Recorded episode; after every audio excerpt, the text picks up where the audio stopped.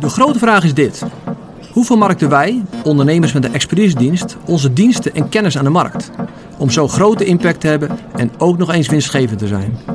Dat is de vraag. Deze podcast geeft het antwoord. Mijn naam is Dirk Teveling en welkom bij de Expertise Marketing Podcast.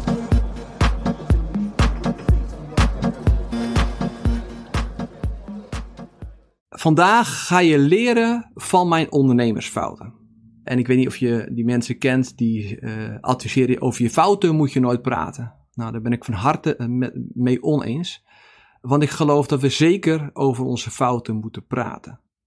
Want ik ben blij dat andere ondernemers over hun fouten uh, gepraat hebben met mij, zodat ik die fouten niet hoef te maken.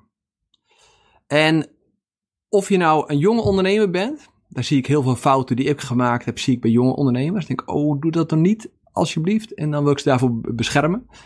Maar ik zie ook nog wel oude ondernemers in de 60 die dezelfde fouten die ik altijd heb gemaakt ook nog steeds maken. Dus eigenlijk is het voor alle doelgroepen, alle leeftijden, alle kijkers thuis.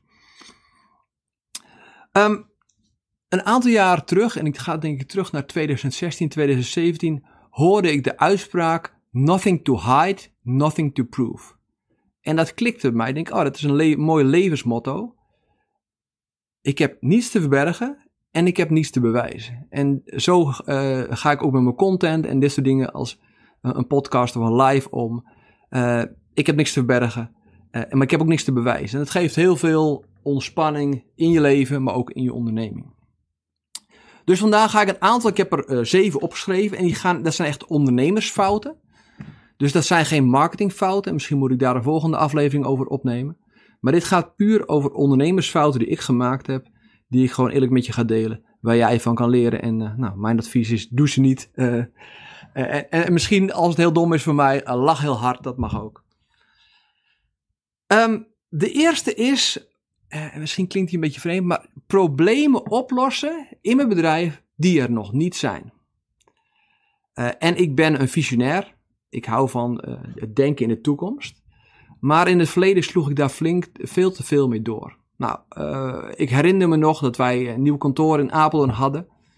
En hadden we, nou, iedereen had natuurlijk zijn eigen computer. En dat was best veel werk om zo'n computer te installeren. Dus dacht ik, als we nou goed aanpakken, gaan we voor elke computer een image maken. Zodat als er een keertje een crash is of er gaat iets fout, dan kunnen we het heel snel terugzetten. En je wordt al als. Dus uh, ik ging kijken wat voor software is daarvoor. Uh, ik hou van research, daar komen ze er bij. Maar uh, dat was het valkuil. Maar ik hou van research, kijken welke softwareoplossingen er zijn. Ik ging een externe harde schijf bestellen en ik ging prutsen en oefenen en kijken hoe kan dat. En inderdaad, eind van de week had ik keurig van elke computer een image en ik was zo trots als een pauw. Maar het was dom. Het was een ondernemersfout. Want dat een computer een keer crasht, ja, dat kan gebeuren. Maar ze crashen niet allemaal tegelijkertijd. Uh, en uiteindelijk kost het mij het meer tijd om dat uh, preventief te regelen. Dan wat het me bespaarde. Nou, nog zo'n voorbeeld. Um, een aantal jaar terug dacht, dacht ik van oké, wij hebben natuurlijk leads en heel veel data hebben we met onze lead generatie. En toen dacht ik, oké, dat zou mooi zijn als ik dat op een, op een dashboard heb. Uh, dus nou, de eerste keer uh, waar ik met iemand ging werken voor een dashboard, dat flopte. Die kreeg het niet technisch voor elkaar. Nou, hoop tijd en energie gekost. Uh, maar op een gegeven moment heb ik weer een tweede traject gestart met een andere partij om een dashboard te bouwen. En ook dat flopte.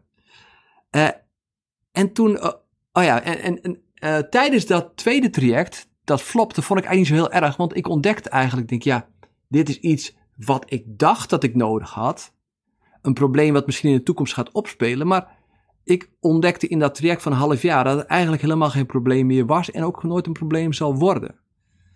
Nou, geloof ik dan niet in dashboardje? Wel, zeker wel. Uh, maar het was een probleem wat ik nog niet had en wat ik eigenlijk al wilde oplossen. Nou, dat, dat, zie ik bij veel ondernemers. Je bent bezig met problemen die er nog niet zijn, die je verwacht te krijgen en die ga je oplossen. Maar de dingen die nu spelen, werk je daaraan? Ben je daarmee bezig? Ben je die aan het oplossen? Want dat is soms minder leuk om uh, aan die dingen te werken voor de toekomst. Dus dat was mijn eerste probleem.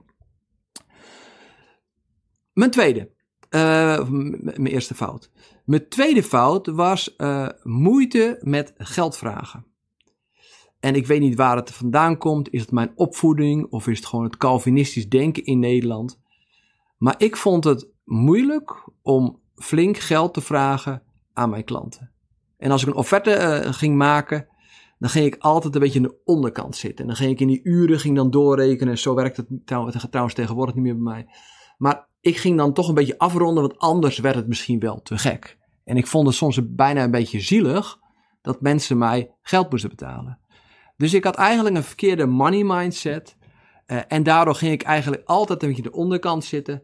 Uh, wat ik ook deed dan, als het een paar uur extra kost, ging ik dat niet rekenen. Want ja, misschien uh, is, wordt iemand wel boos of vindt hij het onterecht. en dat was echt een ondernemersfout.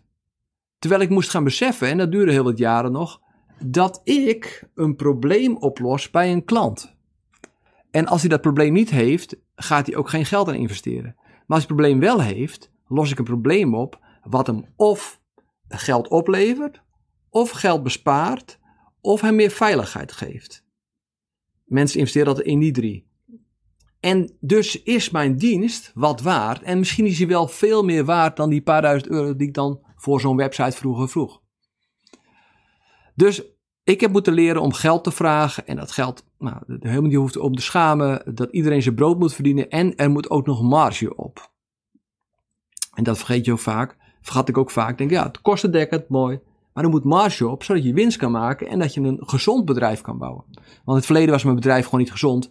Ik haalde het wel, het einde van het jaar. Maar er bleef weinig over. Dus dat was mijn, uh, mijn tweede ondernemersfout. De derde is het mixen van mijn hobby's met mijn bedrijf. Nou, dat heeft wat uitleg nodig. Met hobby's bedoel ik niet uh, nou, vissen of bierbrouwen. Ik ging niet bierbrouwen op, uh, op kantoor.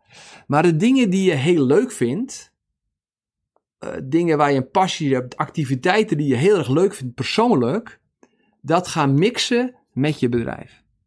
Nou, ik hou bijvoorbeeld heel erg van, nou, wat ik al net zei, researchen. Ik vind het heerlijk om een probleem te onderzoeken en te kijken wat de mogelijkheden voor zijn. Maar in het verleden was ik daar soms zoveel tijd mee bezig om, nou, dan ging ik de dingen doen die ik persoonlijk heel leuk vond. Waren ze heel goed voor het bedrijf? Ik vroeg, vraag me af, ik denk dat ze juist helemaal niet zo goed het bedrijf waren. Maar ik denk, oh, een probleem. En dan kon ik echt dagen researchen. Of nou, in, het, in het verleden heb ik ook geprogrammeerd. En dan denk ik, oh, is daar niet een betere programmeertaal of oplossing voor? En dan ging ik dat nou, was ik uh, dagen aan het zoeken naar een oplossing, wat we misschien wel konden gebruiken. Uh, en dat zie ik vaker met ondernemers. We, we zijn ook een mens en we zitten in onze onderneming. En vaak als eigenaar, oprichter, hebben we geen baas die zegt wat we moeten doen. Maar heel vaak worden we getrokken naar de dingen die wij heel erg leuk vinden. Terwijl die dingen die we leuk vinden niet altijd het allerbelangrijkste zijn. Dus uh, vermix nooit je hobby's, de dingen die je leuk vindt, met je bedrijf. Mag, mag dan uh, je, uh, hoe zeg ik dat? Je werk niet leuk zijn? Zeker, zeker, zeker. Maar doe, nou, uh, wees goed bewust dat sommige dingen je gaat mixen. En neem soms afstand en te kijken, doe ik de juiste dingen? En is dit wel de moeite waard om hier heel veel tijd in te stoppen? Dat is een grote les voor mij geweest. De vierde, dat is het niet hebben van een dagplanning, een plan voor de dag of zelfs een weekplanning. Nu elke maandag om uh, eh, 9 uur heb ik een level 10 meeting. En dan ga ik niet alleen de dag bekijken, uh, maar ik ga veel meer nou, de grote projecten van het kwartaal bekijken. Uh, ik ga kijken naar de weekplanning. Maar ook elke morgen om half negen als ik start, maak ik een dagplanning. Nou, dat was niet zo. in het verleden werd mijn dag bepaald door mijn mailbox. Nou, dat zag er zo uit ik, ik fietste naar kantoor, ik deed het kantoor open, of hier waren al mensen. Het eerste wat ik deed is, ik ging naar mijn computer en ik klikte op het mail-icoontje en stond, stond hij al open. En ik ging kijken wat er allemaal te doen was eigenlijk. En ik ging mails beantwoorden, waardoor eigenlijk mijn klanten en andere spammers mijn dag bepaalden, in plaats van dat ik controle over mijn eigen dag had. Ik heb tegenwoordig, uh, nou, die heb ik zelf ontwikkeld. Ik heb heel wat planners getest. En, een planner is totaal iets anders dan een agenda. Hè? Een agenda heb ik ook. Maar een planner bepaalt heel erg Wat is de focus van vandaag? Waar zie ik op tegen vandaag? Uh, hoe kan ik het beste zijn vandaag? Uh, uh, welke dingen heb ik op het programma staan? Welke dingen kan ik vandaag niet doen, maar moet ik wel op de radar houden? En welke dingen, welke drie dingen ga ik vandaag doen? En ik mag alleen naar huis als die drie dingen gebeurd zijn. Nou, zo, dat is een planner. En um, we hebben heel wat planners getest en gekeken wat werkt en wat niet werkt. En uiteindelijk hebben we daar gewoon zelf een planner voor gemaakt. Die in ieder geval voor mij en voor onze organisatie enorm goed werkt. Dus de valkuil was, de fout was om mijn mailbox mijn dag te laten bepalen. En mijn klanten bepaalden mijn agenda. In plaats van dat ik er zelf controle over heb. Dus nu, als ik op kantoor kom, nooit doe ik de mailbox open. Dat is gewoon soms verboden.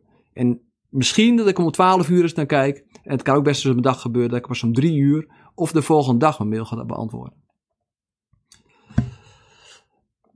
Nummer 5. Nummer 5 is uh, werken in mijn bedrijf alleen maar en niet werken aan mijn bedrijf. En dat is ook een uitspraak die ik een jaar of tien terug iemand hoorde zeggen. Dat ik, hmm, interessant. Die vroeg inderdaad, Dirk, werk je alleen maar in je bedrijf of werk je ook aan je bedrijf? En ik heb op een gegeven moment mezelf de vrijheid moeten geven om aan mijn bedrijf te gaan werken. Want ik was eigenlijk alleen in mijn bedrijf werk. Dus mijn mailbox, wat ik al zei, die bepaalde mijn dag. En die ging door tot het nou, werk klaar was. En dat kon eh, nou, half zeven zijn. Uh, of dat het op een gegeven moment wat echt wat tijd was om naar huis te gaan. Maar mijn week zat vol en ik was bezig met mijn klanten. En dat klinkt heel goed om bezig te zijn met je klanten. Uh, maar ik nam totaal geen tijd voor reflectie. En uh, sommige ondernemers hebben een heidag één keer per, jaar. Dat is echt te weinig. Je moet in ieder geval één keer per week minimaal moet je zitten. En dan moet je een half uur erover bezig zijn, minimaal. Om te kijken waar sta je. Om te werken aan je bedrijf. Um, ja, ik denk dat die, uh, dat kwartje valt. Nummer 6 is investeren in verkeerde zaken. En als je een bedrijf hebt, uh, dan uh, vind je het vaak prima om wat te investeren. Ik merk dat als je privé 100 euro uitgeeft, dat dat meer denkwerk kost dan zakelijk 100 euro. Want nou, de, bedragen in een bedrijf worden het algemeen ook groter.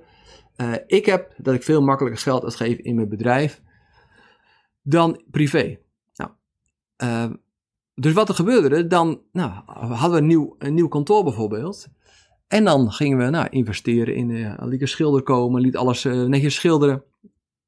Uh, ik bestelde stoelen en meubels en ik liet alles nou, mooi maken, een logo op de muur, et cetera. Allemaal goede dingen, prima. Maar als ik terugkijk, had ik dat geld bijvoorbeeld veel beter in marketing en sales kunnen doen. Waardoor ik kon groeien en dat ik met de investering, dat was een, niet een. Kijk, dat geld wat ik investeerde in dat kantoor leverde geen geld op. En natuurlijk is het leuk om een leuke werkplek te hebben, maar het leverde geen geld op. Uh, terwijl als ik eerst mijn, dat soort geld in mijn marketing en sales had gedaan, dan had het kunnen groeien en had ik genoeg geld kunnen verdienen en genoeg winst kunnen maken om een mooi kantoor te hebben. Maar de volgorde klopte niet. En zo zie ik ook veel ondernemers die investeren. Nou, ik wil, ik wil een MacBook en ik wil een, uh, uh, nou, ik wil een bestikkering op mijn auto. Of ik wil een logo of een, een, een mooi logo aan de muur. Of ze besteden duizenden euro's aan huisstijl, dat soort dingen. Dat zijn dingen die leveren geen geld op. Je kan het ook heel simpel doen, heel goedkoop doen. Want het is geen groeidriver, maar het is een, een, nou, iets wat geen geld oplevert. Nou, en daar, mijn laatste fout, die daar heel erg aan gekoppeld is, en ik heb hem eigenlijk genoemd. Ik besteedde nauwelijks tijd en energie aan marketing en sales. Terwijl marketing en sales de driver, de groeidriver is van je bedrijf, van mijn bedrijf. En ik heb wel eens een keertje een, een reclame ergens laten plaatsen in een blad en een keertje aan de kant van de weg voor een paar honderd euro. Maar dat was het. En je kan nog zo goed zijn, je kan nog zo'n goede expertise hebben, je kan je klanten nog zo goed bedienen, je kan uh, zulke goede resultaten behalen bij je klanten. Maar als niemand je kent of te weinig mensen je kennen, dan ga je niet groeien.